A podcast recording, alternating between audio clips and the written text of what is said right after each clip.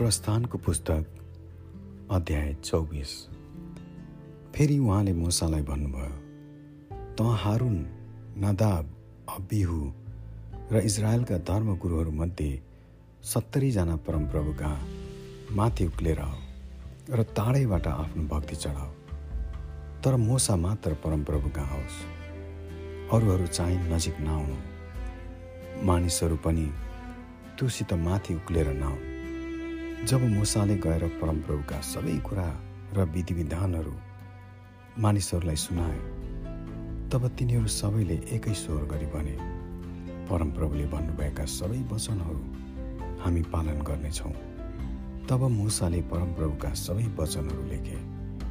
बिहान सबेरै उठेर मुसाले पर्वतको पल्लो छेउमा एउटा वेदी बनाएर इजरायलका बाह्र कुल अनुसार बाह्रवटा ढुङ्गाका खम्बा उभ्याए। तब तिनले इजरायलका जवानहरूलाई पठाए र तिनीहरूले परमप्रभुको निम्ति होम बलि र साँडेहरूको मेल बलि चढाए। मुसाले आधा रगत लिएर कचौरामा हाले र आधा रगत चाहिँ वेदीमा छर्के।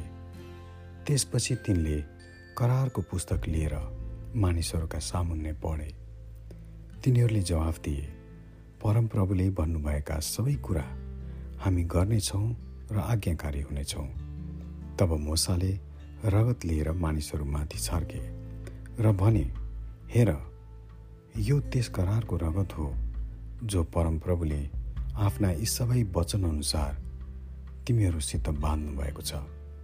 त्यसपछि मोसा हारुन नाब नदाब अबिहु र इजरायलका धर्मगुरुहरूमध्ये सत्तरीजना माथि उक्ले र इजरायलका परमेश्वरलाई देखे। उहाँका खुट्टामुनि निरले छोपेको आकाश जस्तै सफा भएको पेटी जस्तो थियो। तर उहाँले इजरायलीहरूका नाइकेहरूका विरुद्धमा आफ्नो हात उठाउनु भएन र तिनीहरूले परमेश्वरलाई देखेर खानपान गरे अनि परमप्रभुले मोसालाई भन्नुभयो पर्वतमाथि म कहाँ आएर यहाँ बस?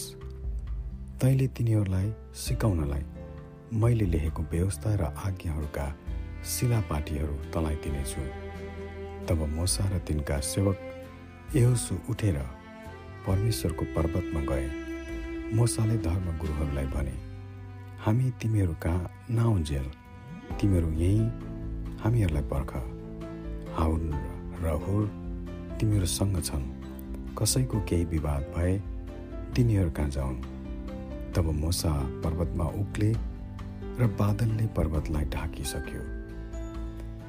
परमप्रभुको महिमा सिनै पर्वतमा रह्यो र बादलले छ दिनसम्म पर्वतलाई ढाकिराख्यो। सातौँ दिनमा परमप्रभुले बादलको बिचबाट मुसालाई बोलाउनु भयो। इजरायलीहरूका दृष्टिमा परमप्रभुका महिमाको रूप पर्वतको टाकुरामा भस्प पार्ने आगो जस्तै थियो। तब मोसा बादलको बिचमा भएर पर्वतमा उक्ले र तिनी पर्वतमा चालिस दिन र चालिस रात रहे।